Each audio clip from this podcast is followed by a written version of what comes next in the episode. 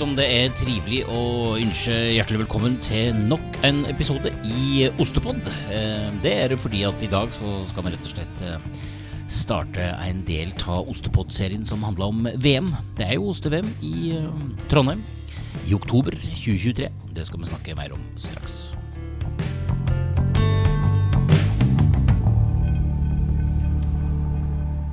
Og overskrifta i dag, Bernt Bykker Johansen, det er Den er det du som har lagd. eh, Utveksla noen e-poster, eh, lagd et podkast, og så spør jeg det, da, fordi du er jo du er, du er litt forskjellig. Du har ikke så mange hatter, muligens, men du har, du har skapet fullt av uh, frakker.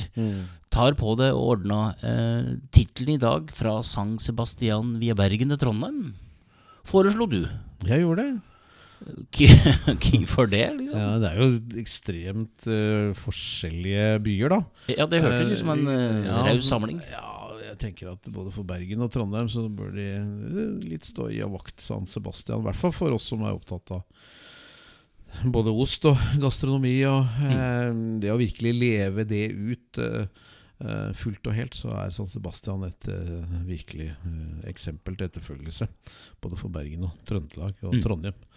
Eh, nei, det hele begynte jo delvis der. eh, I hvert fall det der å, å snakke om ost til folk som ikke er sånn nerdete som deg og meg og en del. Mm. Det er folk der ute som er glad i god mat, og, og ost hører jo da med, selvfølgelig. Og som ofte har spist mye god ost lagd i Spania og Frankrike osv. Så, så var det noe med det gjennombruddet som både norsk ost og ikke minst Tingvoll-ost og Kraftkar fikk etter å, turen til San Sebastian og eh, denne vakre byen og et utrolig vakkert konsertlokale hvor det var denne konkurransen, da, World Cheese Award, som, som jo dette oste-VM egentlig eh, er eh, i Trondheim, og som var i Bergen i 2018. Så mm, vi dro nå ned, og vi hadde vært i London egentlig året før. Mm. Så um, vi dro nå ned, en gjeng fra Norsk Arsost Ystre, eh, styret i Norsk Arsost, og noen av oss fra, fra Hanen. Og så mm, tenkte vi at må jo uansett hvordan det går, å være, få lov å være i denne byen og oppleve den, eh, det må være gøy. Så dro vi ned, og eh, så var det selvfølgelig eh, streik. Det driver franskmenn mye med. Så ja, dette- flystreik? da? Ja, nei, det var, det var streik blant havnearbeidere og tollere. Ja. Så de, og det er jo sånn i World Cheese Award at det er jo egentlig veldig billig konkurranse for ystre å delta. Mm. Det er en av grunnlaget for selve konkurransen. At folk som eh, driver og lager ost rundt omkring i verden, og ikke minst i Europa, skal uansett størrelse få lov til å delta. Så det koster jo ikke mye. Og det er også sånn at konkurransen sponser mye av frakten. Mm. Så du sender til et oppsamlingssted, og så tar konkurransen og betaler for resten. Så vi sendte bare osten til Le Havre ja. i Frankrike. Og der fant tollerne ut at nei, nå har dere jobba for mye. Nå vil de gjerne ha litt kortere uke eller hva det var, mer i lønn. Så da var det streik. Og da ble jo alle varene låst inne. Så de kom jo ikke fram. Så vi drev ostesmugling til eh, inn Så, um, så Hva betyr, altså, hva betyr det når du sier Ostesmugling? Nei, vi måtte jo ta med ost i bagasjen, da. I kofferten. Og Hånd, håndbagasje? i håndbagasjen? Nei, bagasjen du sendte med fly. Og så eh, er jo sånn i World Cheese Sport at du kan, du må, du, hvis du vil, eh, så kan du jo reise og delta på selve arrangementet og oppleve det. Men Mm. det er jo ikke alle som gjør, for det er jo tusener på tusener av oster. Så, så vi, Gunnar Vågen og alle de andre som var med, hadde med ost i kofferten og leverte inn. Ja. For bedømmelse, for det hadde ikke kommet fram. Men, men, er ikke det Altså, nå skal vi altså Du har invitert, eller vi har invitert til Oste-VM i Trondheim. Ja. Og så sitter du her og snakker om at eh, man må smu... Altså, dette hørtes ut som en litt eh, trang start. Eh, Det, nei, ja, vi hadde veldig engasjement, passion, Uh, og det begynte jo egentlig forut for det. Men jeg bare sånn for å avslutte litt sånn kort om, om den reisen, eh, så kan vi jo avsløre hva som ble resultatet, selv om det er kjent. Så, så fikk nå levert inn ostene, og vi kom til byen og gikk på dette fantastiske Kursal, for de som har vært der. En, eh, ja, det var en meget vakker konsertsal, der var arrangementet. Vi leverte inn ostene, og så eh, tok vi byen i Vold en liten stund før vi gikk på finalen, men det kan vi komme tilbake til. Ja. Forut for dette så, så hadde vi jo, som jeg nevnte, vært i London i 2015. Men, men Kiefer, altså, du, du må ta det for at dette, dette, dette er jo litt sånn Kiefer reiser til, til, til verdensbyen London eh, og, og se etter Altså, hvor, hvor eh, Nei, det var, det var flere ting, men i hvert fall det at jeg Når jeg begynte i Hanen som daglig leder i 2011-2012, eh, for det var sent på høsten i 2011, så uh, fikk vi da hva er det du kaller favorittekskone? er det du? Ja, ja, ja. Det, det, det har noen favorittekskoner. Ja.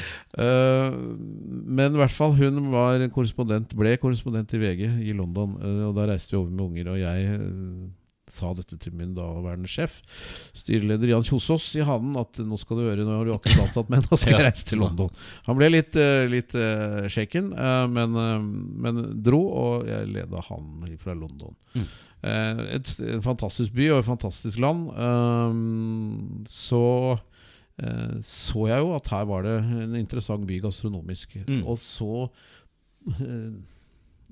har jeg alltid tenkt på hva kan vi i Hanen, og hva kan jeg bidra med, og hva kan Hanen bidra med for ulike medlemsgrupper. Mm. Og noe av det aller viktigste er på en måte å bidra til salg, bidra til økonomi. Hvordan kan vi gjøre det med de små midlene vi har?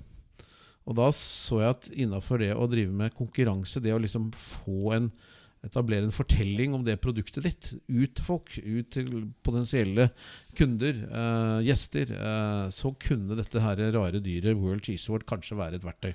Men, men, men, det hadde jeg ikke funnet på sjøl. Nei, men nå sier, du jo, nå sier du jo to ting. Det ene er at du er opptatt av å, å selge ost, og, sier, og, så sier du plutselig historiefortelling. I, ja, dette henger sammen. Ja. Um, mange av de produktene som Eller nesten alle. Uh, når man kjøper et, uh, en vin, en sider, en ost eller fenalår, så er man jo som oftest er mange av disse ostene sånn, eller fenalår relativt teknisk sett ikke så veldig forskjellig. Nei. Men uh, når du kjøper en sånn type produkt, så er du opptatt av mer enn det sensoriske. Mm. Sånn som hvis du ser uh, Tines flinke sensorikere eller på polet, så sitter de inne i sånne hvite rom og vet ingenting og bare sitter og slurper eller smiser og spytter ut og sånn. Mm. Det, det, er ikke der du er. Det er ikke det. Du skal jo ha på en måte Det er en opplevelse i produktet, både historien det representerer, og kanskje har du egne historier i forhold til opplevelsen av produktet. Mm. Fordi du delte det med noen der og da. Det er jo som dette mystiske greske drikkeproduktet Retsina, som jo man uh, bare for gøy drikker i, i, når man er uh, i Hellas. Og så tar man, uh, hvis man gjør det, det hjem, og så smaker det helt mystisk, mm. ikke så veldig godt. Så det er, jo, det er jo assosiasjoner til produktet som er viktig, tror jeg. Blant annet, Det skal jo smake godt og skal mm. være godt produsert osv. Men, men også, ja, det er mange assosiasjoner til produktet. Så der i, her kommer historiefortelling. Og, og, i London, eh, som for meg fremdeles Ja da, jeg har lært meg at det finnes eh, et eh, gastronomisk tilsnitt, og det er masse verdensrestauranter og slik, men i London, eh, litt sånn i januar-februar, så finner du ut at dette er interessant i, i, en ganske grå og stor kjempeby. Ja, jeg tenker at eh, la oss Det kunne nok vært, selv om vi Det kunne også ha skjedd uten at vi bodde, eller jeg bodde i London mm. da med men, men, det var en inngang til, uh, til det. Og så var det forut for dette Jeg husker jeg traff uh, Hans Wold på Matstreif i, før jeg begynte. Hvor han var litt bekymret, husker jeg han sa. Om han var nesten i ferd med å gi opp fordi han fikk ikke solgt osten. Det er liksom i det 2000-draget her. Han fikk jo lov å lage upasteurisert i 2002, mm. som den første i Norge. Men hadde liksom ikke fått gjennombrudd kommersielt for produktet sitt. Og det plaget han, og det er naturlig. Det er liksom én inngang på det. Og så husker jeg at eh, det var en som jobbet og var aktivt involvert i, i Tyngvollost, Egil Smith Meyer, som, som, jo fortalte meg om denne konkurransen og hvordan de hadde deltatt, og hvordan han bygde rett og slett eh, en inngang eh, redaksjonelt. Det å få omtale at Kraftkar finnes, Tingvollost finnes i lokalaviser, regionaviser. og og de endte jo opp på Lørdagsrevyen i et femminutters innslag, så, så, de lyktes jo veldig. Så det der å mm, bli gjort oppmerksom av han på den konkurransen, mm. og historien om at når han spurte sin daværende svigerfar om å få lov å bruke 10 000 kroner for å sende ost mm. Og denne scenen som jeg sammenbundet mye med, Gunnar Vågen, måtte tenke seg godt om, men allikevel tillot det. Det var jo også en sånn inspirasjon. og og da bruke det verktøyet mm. eh, til å, hvis norske oster kunne gjøre det bra i utlandet, til å få oppmerksomhet hjemme og eh, få forbrukerne oppmerksomhet eh, med seg fra aviser og andre ting inn i ostedisker mm. Eh, når de handlet osten sin. Det var litt av tankegangen, da. Og da um, husker jeg at vi var i, i London sammen med en del lystre fra Norge. Eh, og det var med utgangspunkt egentlig et sånt eksportprosjekt vi hadde starta. Ja. Gjermund Stormoen, som er en mann i osteverden, som var prosjektleder, og, og en par andre. Vi tok en del lystre uh, til, uh, til London. Eh, en ung Tim Reidar, blant annet, Ja. første gang på stor tur i utlandet. Ja. Eh, men da var jo konklusjonen at eksport kan du bare glemme. Mm. Men det å delta i denne konkurransen som vi var innom og besøkte, det kunne kanskje det definitivt være Ja, noe. for du kan besøke da altså Cheats World i 15. I 2015 i London. Uh, Der var det mye virak og gøy, og masse spennende folk som smatta rundt, og vi så litt på det. Og nei, det, det her kan vi, dette kan kanskje være noe. Så kom vi hjem, og så var det vinter, og så Uh, måtte vi lage en oppfølger, følte jeg. Og da var det, så så jeg plutselig at de skulle til San Sebastian, og det hadde jeg hørt mye kokker fortelle om at det er en fantastisk by. Inspirert av det så uh, sa vi spurte vi departementet om dette kunne være noe. Landbruks- og matdepartementet. Jo, nei, de syntes det var en interessant idé. Vi fikk noen penger, og vi inviterte Norsk Gardsost og, og styret der, og produsenter. Og så var det høsten 2015, og da traff jeg eh, Gunnar Vågen i trappa på Landbrukets hus. Da var han en, eh, en sliten mann. Han hadde mye på hjemmebane og mye som skjedde. Eh, Så han var ikke så veldig keen på den ideen min om å reise til utlandet og styre. Og nei, uff, det hørtes veldig slitsomt ut. Han Mm. ville jo hjem. Uh, Gunnar er en mann som er glad i, i gården sin og familien sin, og det er bra. Så han uh, trives uh, best hjemme, tror jeg. Mm. Men han sa at jo, nei, det var verdt så lenge jeg, vi tok jobben, og det gjorde vi. Og Så da sa han til slutt ja, og så kom resten av styret i Norsk Arsos med, og så dro vi til San Sebastian. Ehm, og som jeg sa i stad, vi kom jo ut for denne streiken og alt det der. Og så hadde vi, men vi hadde fått innlevert osten og tusla rundt i San Sebastian. Så sa vi at ja, denne finalen i konkurransen Mm. For da var liksom det å få sett på disse dommerne var ikke så lett. Men det, finalen var et publikumsarrangement, så det kunne vi være med på. Så dit dro vi da på ettermiddagen og gikk inn og satte oss eh, ordentlig ned. Og her var det mye strenge spanjoler og Mm. dresskledde i tung blådress og slips. Og Mm. Ost i Spania er veldig mye mer enn ost i Norge. Ja, ja. Eh, på alle måter. Eh, mange fasetter. Eh, og så um, er jo finalen, og en meget eh, ivrig konferansier uh, dundrer i gang, og det bedømmes. Det er jo sånn Da at det jo, da var det vel en 15 oster. eh, og det var jo også en del sven, nei, spanske og baskiske oster med i finalen. Og vi sitter pent og pyntelig, og det er litt varmt, så min sidemann eh, herr Vågen han eh, begynner å eh, sige litt. Fordi han hadde jo vært i fjøset, selvfølgelig, før han dro midt på natta. og sånn, men Så han sovner jo. Men det tar ikke så mange minuttene. Disse, denne seansen med finalen går ganske fort. Og det dømmes, og det smakes, og det dømmes. Og så kommer disse magiske ordene. Eh, som konferansieren utbryter en utrolig morsom engelskmann, så sier han And then we have come to the Norwegian Blue. Og Norwegian Blue for han som engelskmann er eh, definitivt mer enn bare kraftkar og blåmuggost fra Norge. Ja, ja. For de som er opptatt av eh, engelsk humor, så vet de at dette rare uttrykket Norwegian Blue knytter seg jo til et, en fugl i Monty Python. Men det var ikke noe papegøye som skulle vises fram, det var en norsk ost, som da var den 15. og siste osten i finalen i World Cheese eh, 2000 og, nei, 20, unnskyld, i 2016 i San Sebastian. Mm. Og eh, det går jo over all forventning. Eh, vi får vekt Gunnar Vågen. Eh, dommerne dømmer. Eh, det er liksom sånn, sånn hoppkonkurranse. Det er 19,5, 19,5, 19,5. Ja. Eller 5-5-5, som det var der. da Og så ledet jo to spanske oster, så eh, det var god stemning i salen. Ja. Eh, inntil denne her rakkeren av en nordmann kom og vant hele greia. Og ingen skjønte noen ting. Riktig, ingen skjønte noen ting. Nei. Og så en litt sånn søvntung eh, Gunnar Vågen da blir kastet på scenen inn i dette, og spansk TV og spanske aviser eh, bare What? Um, og så er det på en måte Det var det store gjennombruddet, rett og slett. Og vi hiver oss rundt og prøver å få ut på litt sånn Ikke visste vi at dette skulle skje, så vi hadde jo ikke forberedt noen pressemelding. Nei, for det, lå ikke pressemelding klar i, i, out, outlooken. Nei, vi var ikke det. Så, men det, det var jo helt eh, fantastisk. eh, og jeg vet ikke, det var kanskje i den der mm, tiden hvor man drev og løfta på folk. Det var jo en, Fantastisk som Raman Reman, som jo drev med mulaløfting. Og der går Gunnar Vågen hen og driver dommerløfting. Så han drev og løfta på folk opp på scenen. Med litt sånn strenge spanjoler. Det var også et fantastisk eh, knep fra han. Og vi skal jo, vi skal jo ha Gunnar Vågen i, eh, som gjest i, i eh, dette podkaststudioet, selvfølgelig. Men eh, tenk, tenker du at dette egentlig var et slags gjennombrudd for norsk ost i Norge også? Jeg tror definitivt det var eh, gjennombruddet for norsk eh, lokalforedla ost. Eh, alle har jo vokst opp med god ost fra Tine og Jarlsberg og Norvegia og alt det der. Men for norsk foredla og lokalforedla ost, eh, så var dette det store gjennombruddet. Definitivt.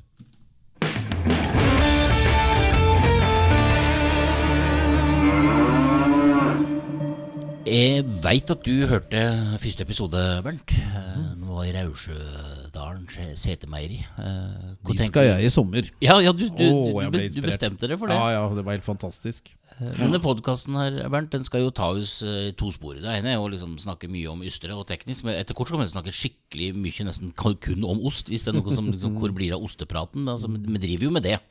Og så er det det andre sporet som vi driver og starta nå, det er jo dette VM-sporet. Nå har du tatt med oss med via London eh, til San Sebastian, om vi har fått vekt Gunnar. Han har stått på scenen og sagt eh, disse fantastiske ordene 'I can not true it'. Det skal Gunnar få lov til å forklare om videre når han kommer hit eh, om ikke veldig lenge. Eh, men, men, men så eh, Altså, San Sebastian, den er grei. Det er check. Eh, men så hva er det som skjer da eh, i eh, Bernt sitt hode, i organisasjonen Han og Norsk eh, Gardsost? Altså, hva er det som skjer her? For det tar jo ikke lang tid fra San Sebastian til vi får en nyhet om at vi skal ha et oste-VM i Norge, i Bergen. Ja, nei, han luringen som sitter foran deg nå på, han hadde jo allerede sendt en forespørsel. Før vi dro til San Sebastian. Eh, kan de San Sebastian og ta denne konkurransen til Spania, så kan vel Norge og Bergen. Eh, gastronomisk ingen sammenligning. Beklager, bergensere. så fordi det er liksom Ja. Eh, så da tenkte jeg at eh, hvis de kan gjøre det der, så kan de vel prøve, vi òg. Få bare nei, og det pleier jeg å ta som en begynnelse på et ja. Vi fikk ganske fort tilslutning til ideen om å ta konkurransen til Norge og til Bergen. Og det ble en som du sa, en nyhet som, som veldig mange slutta opp under. Alt av Oste-Norge syntes dette var kjempegøy. Eh, og planleggingen begynte. Og vi var en liten sving innom London igjen i 2017. Uh, og hadde med oss alt fra minister til yster. Uh, så det eh, Ja. Og så det å få arrangementet som sådan til Norge var også en måte å videreutvikle det å jobbe med eh, ysteprodukter, eller oster. da Mm. eh, Lokalforedla oster inn mot forbruker. Eh, få med oss hele verdikjeden, som det heter litt sånn faglig. altså de som selger ost, eh, Meny og de eh, Oluf Lorentzen, Matkompaniet inntil osv. Og, så og ikke minst Tine. Så det å få hele gjengen til å gå sammen eh, på, inne i Grieghallen og så selvfølgelig en ny finale og en ny norsk fantastisk vinner. Eh, skaper oppmerksomhet og gjør jo at en norsk forbruker i valget mellom en utenlandsk og en norsk ost i større og større grad velger en norsk ost fordi kvaliteten er bra og historien er bra. Men, men tilbake, ja, for at, vi må litt tilbake til det når du sa eh, innledningsvis at dette handla både om å selge mer ost, eh, være litt mer kommersielle, eh, og fortelle historier. Hvor liksom, World Cheese Award med historiefortellinger? da? Bru, bruker produsentene dette til noe? eh, eller? De bruker det aktivt. Du ser jo hvordan de fra Tine til Ystre som gjør det bra, de putter jo klistremerker på. Eh, Skaper en eh, interesse hos eh, forbrukeren, både i disken, i butikken. eh, Men også for de som, eh, og det blir det heldigvis flere av, som er interessert i mat og, og drikke. Og, og i gastronomien og maten så er ost viktig. Eh, og ost kan brukes på så mange måter, så, så det behøver jo ikke bety en sånn gullbeslått trillevogn eh, med ost og sånn på en stjernerestaurant. Det kan bety veldig mye mer enn bare det. Eh, og i det valget så, så, så tror jeg historiefortelling og identitet er viktig. Eh, og det har jo ikke vært uten kamp å få norske oster frem i ostedisker i delikatesser, hos Meny, på helt fine og ordinære norske restauranter rundt omkring. Det har ikke gått av seg selv.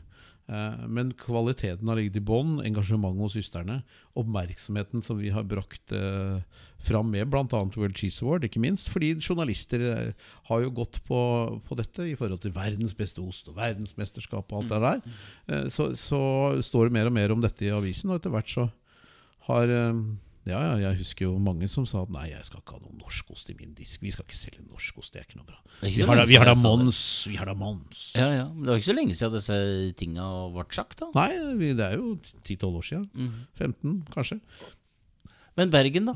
Altså, stort arrangement. Kjempearrangement. Uh, inn i Grieghallen. Uh, like så vakkert konsertlokale som Kursal i San Sebastian, spør du meg. Mm. Vakker by, stort engasjement. Eh, departement, statsråder og ministre og alt sammen. Eh, selvfølgelig, det er kaldt og vått i Bergen på en sånn eh, og litt hustrig, men inne i et av alle ting parkeringsanlegg i Gregalen i kjelleren der, så eh, har vi satt eh, norsk ost til stevne. eh, og 3472 oster blir stilt ut eh, og bedømt. Eh, så er det ny finale, eh, og eh, igjen så dukker det opp en eh, norsk osteprodusent eh, eh, av hatten og går hen og, og vinner. Eh, så for eh, herr Hafslund og Fanaost og Ostegården ute på Krokeide så begynner en ny tid. Mm. og, og det er også noe av det fine, syns jeg, eh, med dette. Hvordan det for, for den familien eh, på en måte kanskje bidro til å mm, løse litt av generasjonsutfordringen som Mm. alle bønder kjenner på. Eh, og det er en utrolig rørende historie hvordan de da tar tak og Mm. eh, vil utvikle dette videre.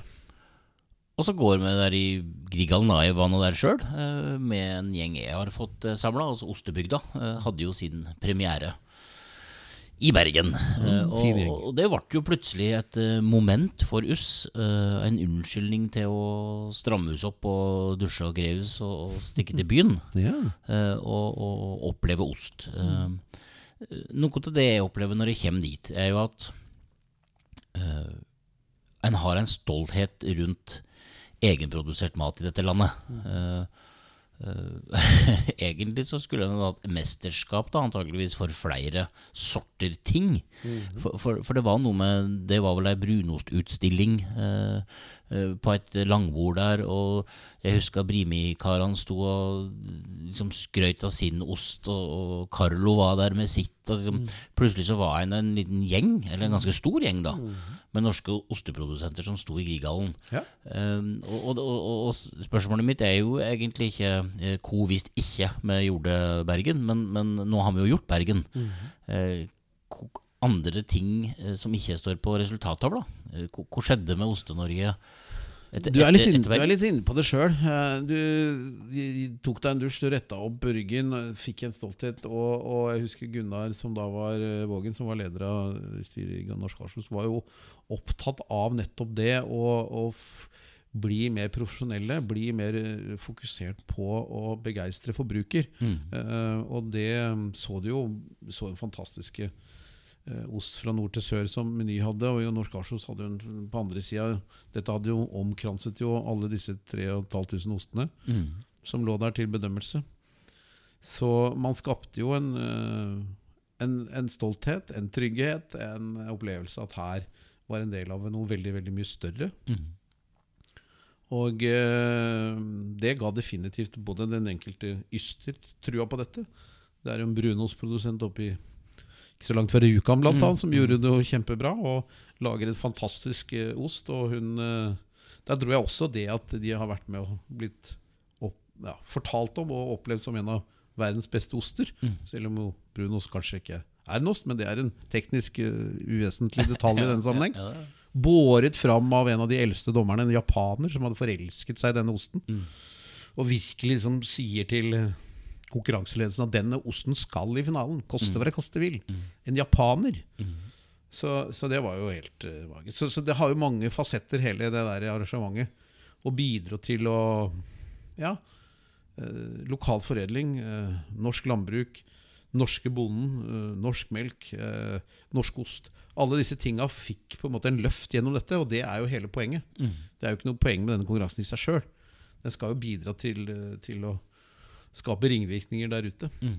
i mange sammenhenger. Og det viktigste er jo på en måte at folk går eh, i butikken og kjøper eh, nye, spennende norske oster. Og, og, og når de er på restaurant, eh, velger Og der er jo helt fantastisk. Jeg har drevet restaurant i 30 år. Vi var ikke interessert for 30 år siden i norsk ost.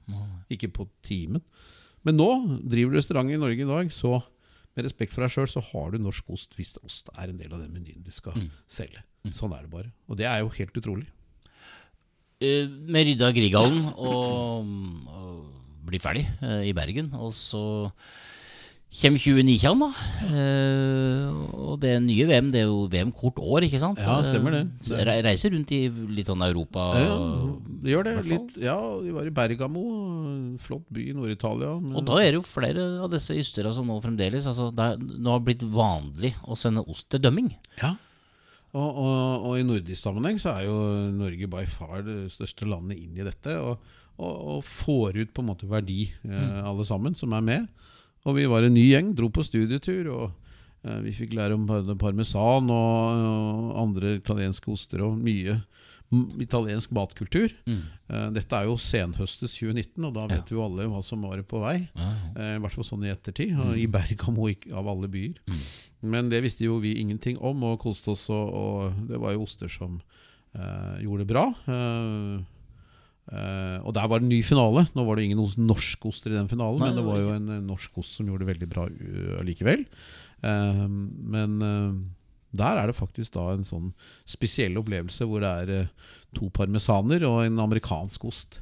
Eh, og da blir den amerikanske osten dømt foran av sjefsdommeren, som er denne konferansieren mm. som har fulgt dette arrangementet i alle år. En fantastisk engelskmann.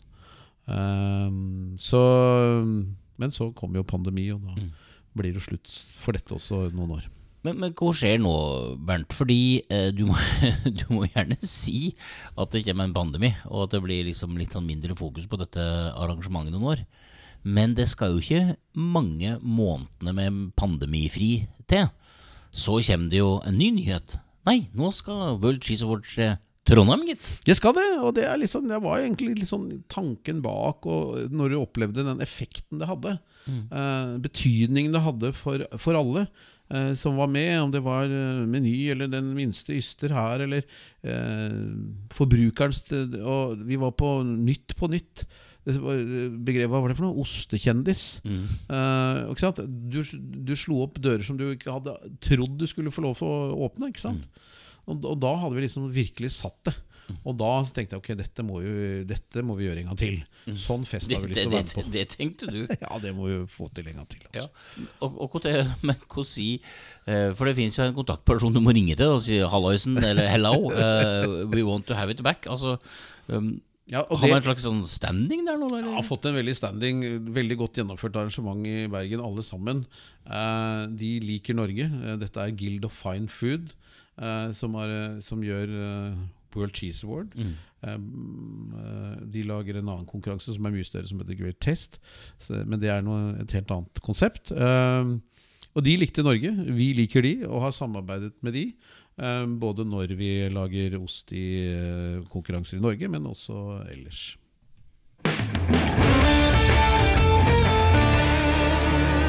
Og da prøver jo ikke raute om kapp med kyret i bakgrunnen her, Bernt. Men eh, eh, nå skal vi altså igjen da gyve på Ja, vi skal det.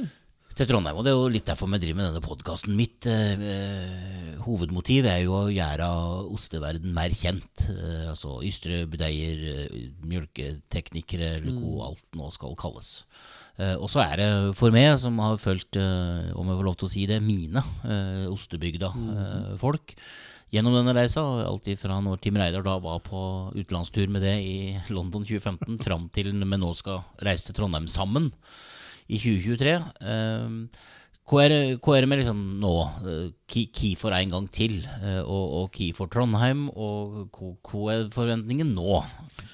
Trondheim for å ta det først, har jo blitt et, et eh, spennende gastronomisk sted. Et matsted. Restauranter, rekruttering, landbruk, mat, alt dette i, i en veldig spennende symbiose, eh, gjør jo at eh, den såkalte bartebyen, som vi avskrev fullstendig på 90-tallet, nå er definitivt eh, spennende. Eh, sånn eh, en utvikling som eh, du ser det i Stavanger, du ser det i Bergen. liksom Mat-Norge som sånn har utvikla seg. Så det er et, en flott plass å ha det.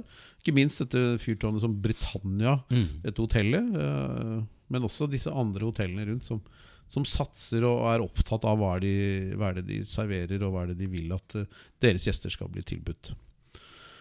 Så, så valget av by var ikke noe vanskelig. Eh, og så igjen kunne bruke dette til, til, eh, til å, å skape fornyet oppmerksomhet. Eh, Oste-Norge og lokal Foredlings-Norge er inne i en viktig periode. Det er mye generasjonsskifter der ute. Det å kunne eh, fortsette å bidra til å skape oppmerksomhet, eller positivitet da, eh, rundt og, og, og vise mulighetsrommet for uh, yngre mennesker som skal overta et, potensielt overta et melkebruk. Kanskje har de foreldre drevet med lokal foredling. Og vise at her er det fortsatt muligheter. Og så tar ting lang tid.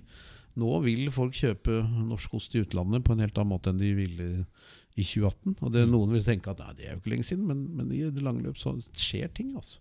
Og, og, og så tenker jeg at forventningen knytta til å utvikle flere hva skal jeg si, osteløyper Få den norske befolkningen i hytter og hus på ferie i Norge til å, mm, sånn som på, øh, i ostebygda, å, reise på støler og reise innom øh, ysterier og butikker og, og oppleve eh, Selvfølgelig skal de kjøpe osten, men oppleve den historiefortellingen og viktigheten av eh, den rollen dette spiller i norsk landbruk og mm. kulturlandskap osv.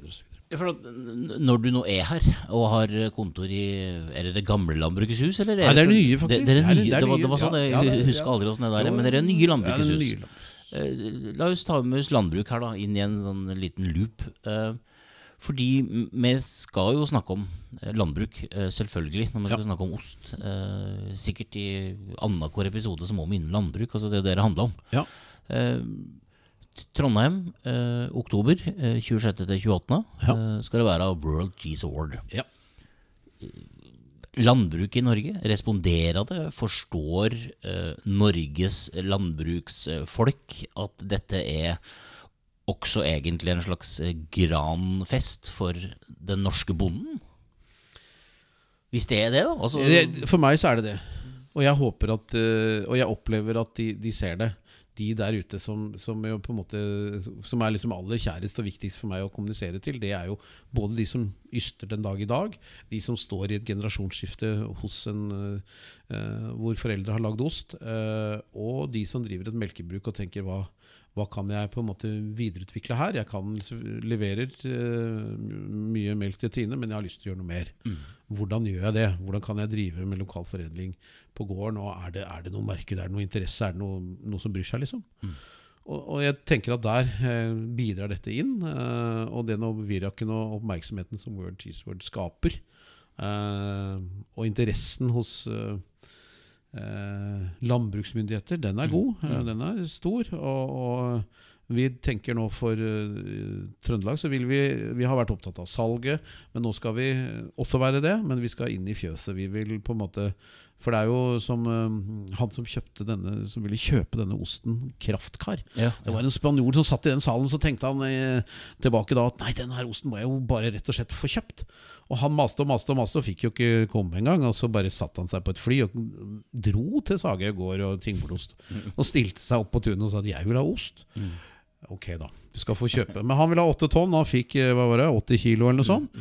Kom på Dagsrevyen og, og det som jeg husker fra denne, den reportasjen der, var at han ble spurt om hvorfor tror du at denne osten er så spesiell. Hva er det med denne osten?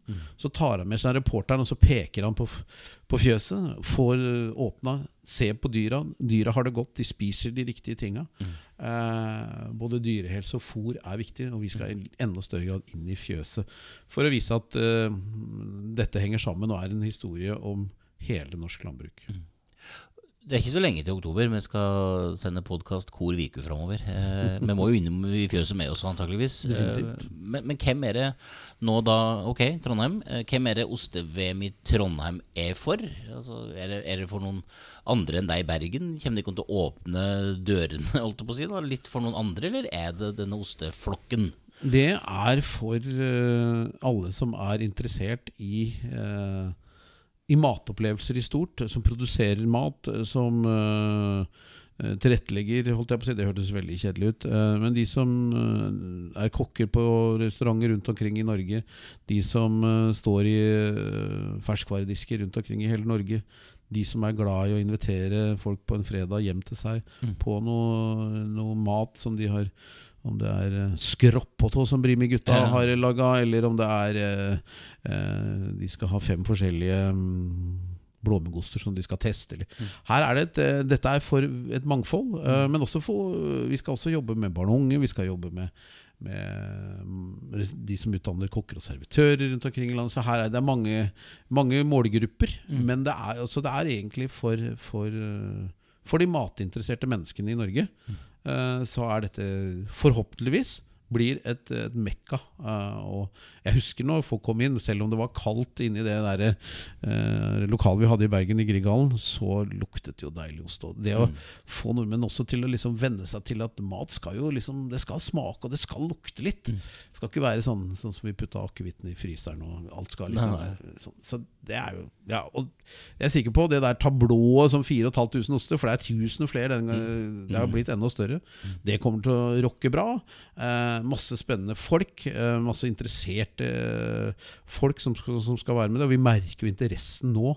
nå? Det er folk som jeg aldri har hørt om, som vil være med og lage Å, hvordan kan jeg være med på dette? Og de ringer fra utlandet og, og fra gårder som, som måtte ikke hadde tenkt at de skulle drive med dette i det hele tatt. Så kjempespennende. Også. Hvor gleder du deg mest til, da? Eh, Sånn avslutningsvis, når vi nå skal begynne å Men nå, nå begynner jo podkasten vår, og vi skal reise Norge rundt. eh, Og så skal vi lande i Trondheim, på sett og vis, da. Men hvor gleder du deg mest til, da? Ja, jeg gleder meg. Jeg husker det fra Bergen. Og vi tenkte at okay, kanskje kommer det en tusen mennesker. Og så bare rant det inn. Det kom så fantastisk. Ja, det var helt. Over 6000-7000 mennesker. Ja. Så det der når dørene åpner, og folk kommer, og trøndere og trondhjemmere og nordmenn og svensker og hva det måtte være, strømmer inn dørene og vil ta, være en del av hele dette eventyret, det gleder jeg meg til å se. Og så er det slik, Bernt, at eh, World Cheese Award eh, 2023, Trondheim Uh, Går det an uh, altså, i sånn ski-VM, da, uh, i samme byen? å si. Ja. Der har vi en sånn rating, sikkert, og man kan vedde litt og sette noen penger på osv. Ja, det, Går det an å liksom forutsi det? Går det liksom å si noe Har, har Norge noen favoritter, liksom? Åssen går det an å si noe sånt om det? Nei, det viktigste er jo, som all annen konkurranse, mm. er jo at eh, de som Du må delta for å være ja. Og her er viktigere enn kanskje mange andre konkurranser òg, for Ja. du, du må faktisk være på det bordet for at en dommer skal kunne fatte interesse. Helt riktig. Og, og, og da kan det gå øh, din vei. Mm. Det er jo mange konkurrenter her, eh, så det er noen øh, tøffe innledende runder og semifinaler osv. Eh, og Norge har gjort det godt, eh, for det utdeles jo flere medaljer enn bare den ene. Eh, gjennomgående gjør norsk ost det bra, og i alle dette havet av tusener på tusener av oster fra hele verden. Eh, så, og jeg er helt sikker på at eh, norske osteprodusenter, store og små, vil levere inn sine produkter i hopetall. Så, så sjansen er jo stor for at eh, Norge kan gjøre det bra. Mm. Så vet jeg ikke om det er så lurt at det er en ny norsk vinner. Det, Nei, Eh, Jeg tror kanskje Jeg, jeg, jeg personlig eh, håper på eh, at eh, vårt naboland, eh, svenskene, kanskje får en vinner. Det høres veldig sikkert feil ut å si, men jeg, det har noe med, interessen i Norden eh, Vi er ikke så veldig forskjellige. Eh, så jeg håper jo at både svenskene gjør det bra og kunne få en konkurranse kanskje til Sverige. Og det er en liksom sånn privat liten drøm jeg har, da. Du er daglig leder i Hanne, Bernt. Eh, Du eh, står mer eller mindre ansvarlig for eh, World Cheese Award Stemmer. i Trondheim. Det kommer til å bli et travelt 2023. Eh, Som året før. ja, men, men, men kan jeg få spørre om Kunne vi gjort en avtale nå om å, møtes til live livepodkast i, i Trondheim? For Ostepod har jo tenkt å sende live i Trondheim. Er det, er det ok å kunne, kunne gjøre en date? Eh, Kan vi møtes igjen i Trondheim, og så kan du få lov til å fortelle åssen det egentlig går eh, midt under konkurransen? Er det, er det en avtale vi kan lage? Veldig gjerne. Jeg gleder jeg meg masse til. Bernt, tusen takk for at du var gjest i Ostepod.